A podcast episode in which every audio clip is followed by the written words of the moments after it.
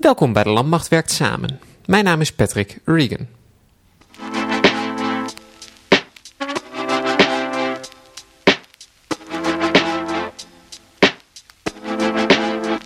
Seizoen 1 van de serie die bekend gaat komen te staan als De Landmacht. En we noemen dit seizoen De Landmacht Werkt Samen. Het gaat dus over samenwerken en specifiek over onze samenwerking met het bedrijfsleven, met de burgermaatschappij. Daar gaan we de komende week op inzoomen. Ik ga langs bij een jonge start-up die een nieuw concept voor onze tenten ontwikkelt, de Herculesdoom. Maar ook bij gevestigde bedrijven die het onderhoud van onze voertuigen verzorgen. Ik spreek de burgermonteur die met onze commando's op oefening ging in Spanje.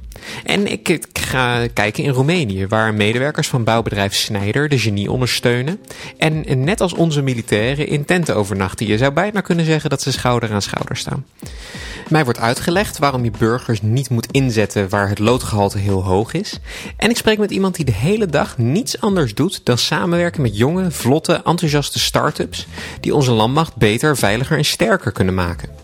Ik ben heel erg benieuwd naar de drijfveren van deze bedrijven. Waarom willen ze met ons samenwerken? En dan hoop ik natuurlijk wel verder te kunnen komen dan alleen maar om winst te maken. Ik wil te weten komen wat wij van hen kunnen leren, maar ook hoe zij naar de militair kijken. En hoe gaat dat nou als een militair voor het eerst opeens met een burger samenwerkt? Als hij samenwerkt met iemand die geen rang op zijn schouder heeft staan? En hoe is het voor die burgers om in een militaire oefening te komen, waar iedereen uh, in hetzelfde uniform rondloopt en waar opdracht opdracht is? Maar voordat ik al die bedrijven onderzoek, begin ik in Utrecht. Luitenant-generaal Martin Wijnen is inmiddels een half jaar de commandant van de landstrijdkrachten.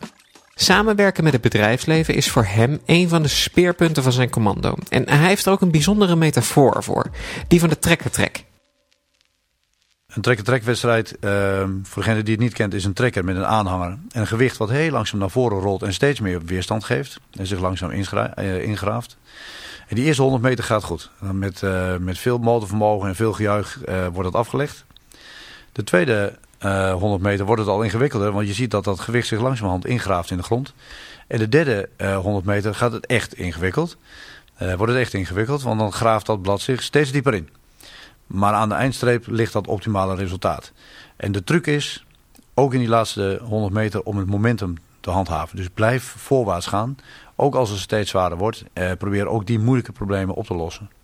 Uh, in het geval van een samenwerkingsconstruct met het bedrijfsleven, bijvoorbeeld, kunnen we een ecosysteem vormen waarbij een landmachter werk uitvoert voor een bedrijf met een winstoogmerk. Nou, dat mag nu niet volgens de regelgeving en ook niet volgens de wet, maar we willen het toch doen want als we dat niet mogen, elkaars pieken opvangen, hebben we geen, samenwerkings, uh, geen samenwerkingsconstruct en hebben we dus geen ecosysteem. Ik denk dat in die, die eerste 100 meter, om daar dan bij te blijven, daar zitten de, de innovatieve start-ups, het enthousiasme. We hebben mooie nieuwe ideeën, we kunnen nieuwe dingen gaan doen. Um, en hoe verder we komen, hoe meer praktische uitkomsten er moeten zijn en hoe, uh, hoe harder werken het misschien ook wordt. Ja, en in die eerste 100 meter zitten ook de, de CEO's, uh, die met de commandant landstrijdkrachten prachtige letters of intent uh, ondertekenen. Uh, dat doen we dan bij de NIDV ehm, jaardag met veel publiek en veel applaus en publiciteit. Ehm, en het stille noeste werk gebeurt in die tweede 100 meter en in die derde 100 meter. En die zijn pas echt belangrijk, want daar worden we productief. Even terug naar de basis. Samenwerken met het bedrijfsleven moet de landmacht, zo zegt generaal Wijnen, dus beter maken. Uh, niet zozeer in misschien gevechtsoperaties, maar wel in de ondersteuning, in de logistiek, in de instandhouding. Uh, omdat het bedrijfsleven dingen kan die wij niet kunnen. Of ze kunnen het sneller, of ze kunnen het beter, of ze kunnen het efficiënter. Daarnaast innoveert de private sector in een moordend tempo. Het was 40 jaar geleden de krijgsmacht die voorop liep in de ontwikkeling van het internet. Maar nu lopen we uh, achter het bedrijfsleven aan. Kijk naar de ontwikkeling van drones, van robotica en 3D-printen. Voor de landmacht kleveren dus gigantische voordelen aan de samenwerking. Maar wat hebben bedrijven dan aan ons? Uh, voor een bedrijf is denk ik het grote voordeel dat wij uh, een betrouwbare partner zijn als je eenmaal een contract hebt. Um, wij zijn ook wel veel eisend. Wij willen uh, niet alleen in stand houden, maar we willen ook verbeteren. Um, en dat is een bron van innovaties voor een bedrijf. Dus een bedrijf kan zeg maar zijn innovatieve kracht aanwenden om uiteindelijk voor ons betere producten te leveren. Dus daar ligt een, een, enorme kans. Voor een bedrijf ligt er ook nog een andere kans. Dat hebben we bijvoorbeeld gemerkt bij het Field Lab Smart Base, waar een heel aantal bedrijven kwamen die helemaal niets met defensie hadden. die kwamen bijvoorbeeld uit de recreatiesector. Even een zijstap. Dat Field Lab Smartbase dat komt in een latere aflevering nog aan bod. Maar simpel gezegd is het een basis van de toekomst. Een militaire basis van de toekomst. Zoals we die misschien ooit in een missiegebied zouden ontplooien. Momenteel staat het opgebouwd in Ede en bedrijven kunnen er samen met Defensie uh, oplossingen voor die basis van de toekomst ontwikkelen. Een bedrijf komt dus aan, ziet de basis en heeft misschien een oplossing waarvan Defensie nog niet eens wist dat ze een probleem had. Maar dat wordt later allemaal nog uitgelegd. Uh, een goed voorbeeld van een van de initiatieven is de Speedgate van het bedrijf HTC. Uh, dus ontwikkeld op dat Field Lab. Maar het is ook heel erg toepasbaar voor Lowlands. Dat, dat festival is namelijk heel erg goed te vergelijken met een van onze bases in een missiegebied. Je hebt een weiland, dan bouw je snel een dorp, je hebt een feest, je bouwt het dorp af en het is weer een weiland. Uh, dus als je dat kunt toepassen bij Defensie, vergelijkbare technologie, maar je weet het commercieel uit te buiten in de recreatie en in de consumentensector, ben je spekkoper. Wat is de grote winst voor het bedrijf? Dat je het stempel hebt, Defensie proven. Nou, dit gaat natuurlijk heel erg sterk over het ontwikkelen van nieuwe producten. Nieuwe spulletjes, zodat de militair zijn werk beter kan doen. Dat is natuurlijk heel belangrijk, maar we hebben ook het personeelsvlak en daar moet samenwerking ook beter kunnen.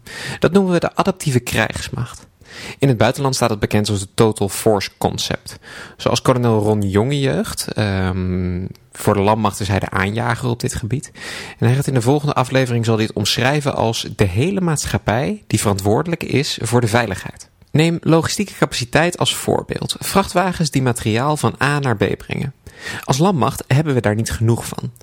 Dus kun je samen met de civiele markt elkaars piekmomenten afvangen. Dus puur hypothetisch, gaan wij op oefening in Polen, helpt het bedrijfsleven ons. Maar heeft de landmacht een rustige periode en is het juist voor die bedrijven weer heel druk, dan kunnen onze chauffeurs hen helpen. Het gaat dus niet meer om bezit, maar op het juiste moment beschikken over de juiste capaciteiten. Een heel ingewikkeld concept dat de kolonel Ron Jongejeugd heel duidelijk kan uitleggen, dus hij schuift even in deze aflevering. Ron, help. Ja, beschikbaarheid uh, in dit geval gaat boven het bezit.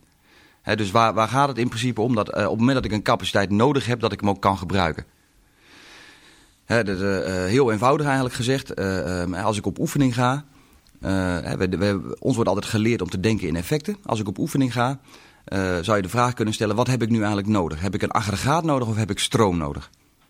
en als het antwoord dan is: uh, ik heb stroom nodig, ehm, dan is de volgende vraag: oké, moet ik dat dan zelf hebben of kan iemand dat ook voor mij doen?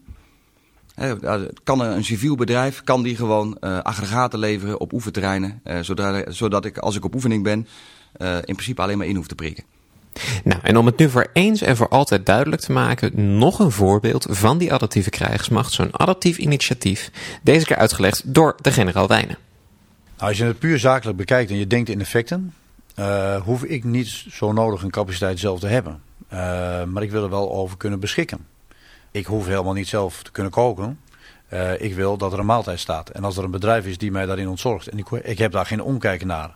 En ik doe dat voor een, een, een redelijke prijs dan is dat helemaal prima. Dus dan hebben we het over uh, de beschikbaarheid versus het bezit. Hoe ziet nou de, de ideale samenwerking eruit? Nou, de ideale samenwerking is een, uh, is een construct waarin het uiteindelijk niet uitmaakt wie het werk doet. Of het een, een groene landmachtcollega is, of een burgerlandmachtcollega, of, een, of iemand van het bedrijfsleven. Het maakt niet uit. Het werk staat centraal en het uitgevoerde werk is het gewenste effect. Maar we weten het allemaal dat het heel ingewikkeld is om in gezamenlijkheid dat te doen. We kennen niet een joint venture tussen een, publieke organisatie en een private organisatie. Dus we werken met allerlei beperkingen. Um, en je ziet dat het uitbesteden van werk is gemakkelijk. Maar het gezamenlijk uitvoeren van werk is dan ingewikkelder. Maar we willen bijvoorbeeld ook een bedrijf in een inzetgebied hebben. Nou, hoe doen we dat dan? Want dan moet je combatant zijn. Nou, kun je dan bijvoorbeeld een aantal monteurs reservisten status geven... waardoor ze, waardoor ze voldoen aan de A700 status voor de inzetbare militair... en ze zo zeg maar uitzenden naar een inzetgebied. Ja, het, het samenwerken met het bedrijfsleven heeft wel een iets wat kritische of een, een slechtere reputatie gekregen. Omdat ja, het, het zou veel kosten, de tijd loopt uit. Uh, krijgen we nou wel echt waar we, waar we om vragen? Is dat tegenwoordig anders? Nee, ik denk dat we nog steeds het risico lopen dat we uh, teleurstellingen creëren. Omdat uh, in die eerste 100 meter waar iedereen juichend enthousiast is, dan zijn de mogelijkheden schier oneindig. En dat beloven we elkaar ook. Ehm, en daarmee wordt er een verwachting neergelegd die we misschien niet kunnen waarmaken. Van twee kanten. Hè. De, teleurstelling bij het bedrijf, maar ook de teleurstelling bij de collega's in de landmacht. Ja, dit levert ons helemaal niks op. En er, zit nog een, een teleurstellingsfactor mogelijk in. Als we namelijk een experiment doen, uh, dan mogen we tijdelijk de regels uitzetten. Dan schrijf ik een brief naar de oude dienst Rijk en dan zeg ik, nou, gedurende dit project gaan we de regels uh, niet handhaven. Dan bega ik een onrechtmatigheid. Dat leidt tot een geslaagd experiment. Het vervolg is veel ingewikkelder, want als het één keer gelukt is met zo'n experiment, dan willen we het eigenlijk breed toepassen. Scaling heet dat. En dat is vaak het probleem, want dan moeten we toch echt aan die regels voldoen. Dus als we een experiment uitvoeren uh, en het is gelukt, maar we hebben tegelijkertijd niet de regelgeving aangepast, uh, dan ligt de, teleurstelling echt op de loer. Als laatste, ik ga de komende afleveringen heel veel bedrijven langs. Uh, van virtual reality bedrijven tot uh, gewoon echt ouderwetse uh, fabrikanten van metaal en poorten van alles en nog wat. Waar willen we naartoe? Waar moeten we over drie, vijf, tien jaar staan als het gaat om die samenwerking met het bedrijfsleven? Nou, die, die samenwerking levert nog iets. Hè. Dat levert natuurlijk producten, het levert diensten, het levert van alles nog wat. innovatie. maar het maakt mij ook flexibel. Um, en wat mijn zorg is en waar ik mij op richt, is dat ik niet alleen een landmacht heb die vandaag heel goed is, robuust is. Dus die in, in staat is om in alle operationele omstandigheden dominant te zijn. Want dat is wat we moeten zijn. Dat we dat niet alleen vandaag zijn, maar ook morgen. En als we zien hoe snel ontwikkelingen gaan qua techniek, qua commercie, qua politiek, qua bestuur, qua economie, qua alles. Dan ontkomen we er niet aan ehm, door partners eigenlijk ons te laten helpen om relevant te blijven. Zodat we niet alleen vandaag robuust zijn, maar ook morgen en overmorgen en de dag daarna. En daarom moeten we samenwerken. Daarom moeten we de, wat dat betreft naar buiten kijken. Wat is er beschikbaar op de markt? Wat is er beschikbaar in de samenleving? Wat ons beter kan maken. En als we dat kunnen identificeren en we kunnen dat zeg maar, in een samenwerkingsproject zeg maar, aan ons koppelen. Dan zijn we ook inderdaad morgen beter dan vandaag. De komende weken kijk ik niet alleen naar buiten, ik trek er ook echt op uit. Ik ga in gesprek met onze partners en de militairen die met ze samenwerken. Bijvoorbeeld met Stijn Rutte. Hij is burger en hij is een ras-echte start-up. Eén man met een goed idee. En hij is samen met de landmacht in Ede een compleet nieuw concept aan het ontwikkelen. Nou ja, en ik ben dan op een of andere manier het type persoon dat dat aanspreekt. En hier gewoon graag uh, zijn avond en weekenden en overdag aan wil uh, besteden. Uh, omdat je steeds ziet dat je een stukje verder komt.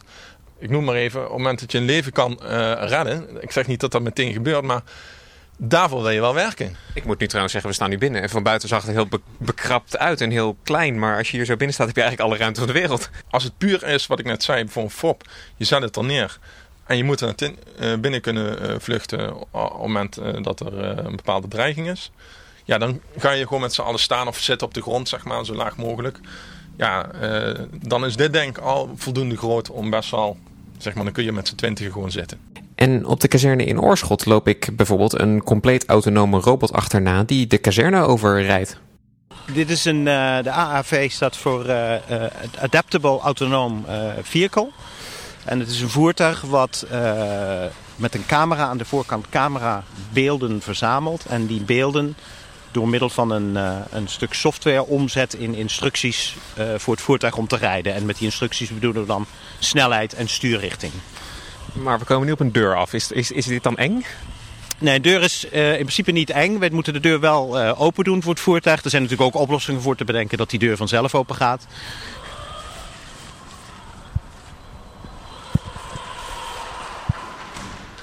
Als hij dan voor de deur terechtkomt, dan, dan stopt hij inderdaad even. Dan kijkt hij, de deur is open en we rijden door. En dan zijn we opeens binnen. Ga ik heel... We zijn hier in Roemenië met uh, de firma Snijder met uh, drie mensen. één monteur en twee, uh, twee machinisten.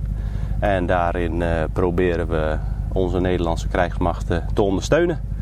En een, een, een, machinist van de firma Snijder die vertelt hoe het is om samen met de genie op oefening te gaan. En ook heel belangrijk, wat we nou van elkaar kunnen leren. Nou, het is, uh, vooral hier in Roemenië is het eigenlijk een beetje old school. Uh, alles met piketten, geen GPS, geen uh, bijzonderheden op de machine. Dus gewoon kaal werken. En daarmee kun je je fantasie rijkelijk de, de kost geven. Leerzaam van beide kanten. de dingen die wij dagelijks in de praktijk meemaken zijn voor veel jongens nieuw. Wij maken toch wel wat meer uren op weekbasis dan de machinisten die hier aanwezig zijn. En daarin kun je je kennis goed, uh, goed delen. En ik duik, maar dat wacht tot de laatste aflevering, in, onder in de virtuele wereld. Waar militairen hun skills en drills oefenen met virtual reality. Waar we het gaan hebben over haptic feedback en allemaal van dat soort, uh, dat soort termen. Een hele bijzondere inrichting van de gymzaal hier. De basketbalnetten staan omhoog. Er hangt een klimmat tegen de muur aan. Het uit- en thuisbord staat, uh, staat niks op. Maar het, het veld, ongeveer, nou, wat zal het zijn? kleine 30 bij 30 meter. Omringd door acht ja, pilaren op een soort driepoot met bovenaan een grijs, grijs kastje. En dat creëert hier een soort wifi-veld. En in dat wifi-veld lopen nu 1, 2, 3, 4, 5, 8 mensen rond. Um, acht militairen. Die zijn aan het oefenen. Uh, die zijn hun, hun skills en drills aan het oefenen. Uh, waarin zij dat aan het oefenen zijn, geen idee. Want ik zit niet in hun wereld. Ze hebben namelijk allemaal een, een soort exoskelet hebben ze aan. Een soort zwart pak met uh, rubberen, rubberen banden tussen allerlei sensoren. Aan de voeten, aan de handen. Uh, op het gezicht. Op de rug hebben ze een batterij. Zit eigenlijk een hele computer dragen ze zich mee. En ze hebben een virtual reality bril op. En in, achter die bril zien zij ja, de wereld waar ze, waar ze ingezet worden. Dus iedere beweging die ze maken... Um, wordt door dat exoskelet opgepakt. Wordt, wordt geregistreerd. En dat komt dan in die digitale wereld. Dit, dit is serious gaming. En daartegenover heb je het, het Call of Duty en het gamen. En inderdaad VR in zo'n arcade. Hoe is dat verschil? Hoe is dat? Nou, je hebt hier geen levens. Hè? Je als je één keer geraakt wordt, dan, uh, dan ben je af, om maar zo te zeggen. Nou, dat dus voor een kleine bloemlezing van wat er nog uh, te wachten staat in de, in de komende zes afleveringen. En, en dit was de eerste aflevering van De Landmacht Werkt Samen. Uh, abonneer je in jouw podcastspeler en gedurende januari verschijnt er iedere dinsdag en donderdag een nieuwe aflevering in je feed. Ben je nou fan van de show? Help ons door een review achter te laten op Apple Podcasts of Stitcher. Of raad de show aan bij vrienden, familie, collega's. En, en probeer eens een andere podcast van Landmacht FM. In mijn missie interview ik bijvoorbeeld iedere maandagochtend een half uur lang een militair of burger over de landmacht. De Landmacht werkt samen is een productie van de Koninklijke Landmacht. Muziek is door One en mijn naam is Patrick Regan. Je volgt Koninklijke Landmacht via Twitter, Instagram, Facebook en YouTube en check defensie.nl voor het laatste nieuws rondom de krijgsmacht. Nogmaals, onwijs bedankt voor het luisteren en tot ziens.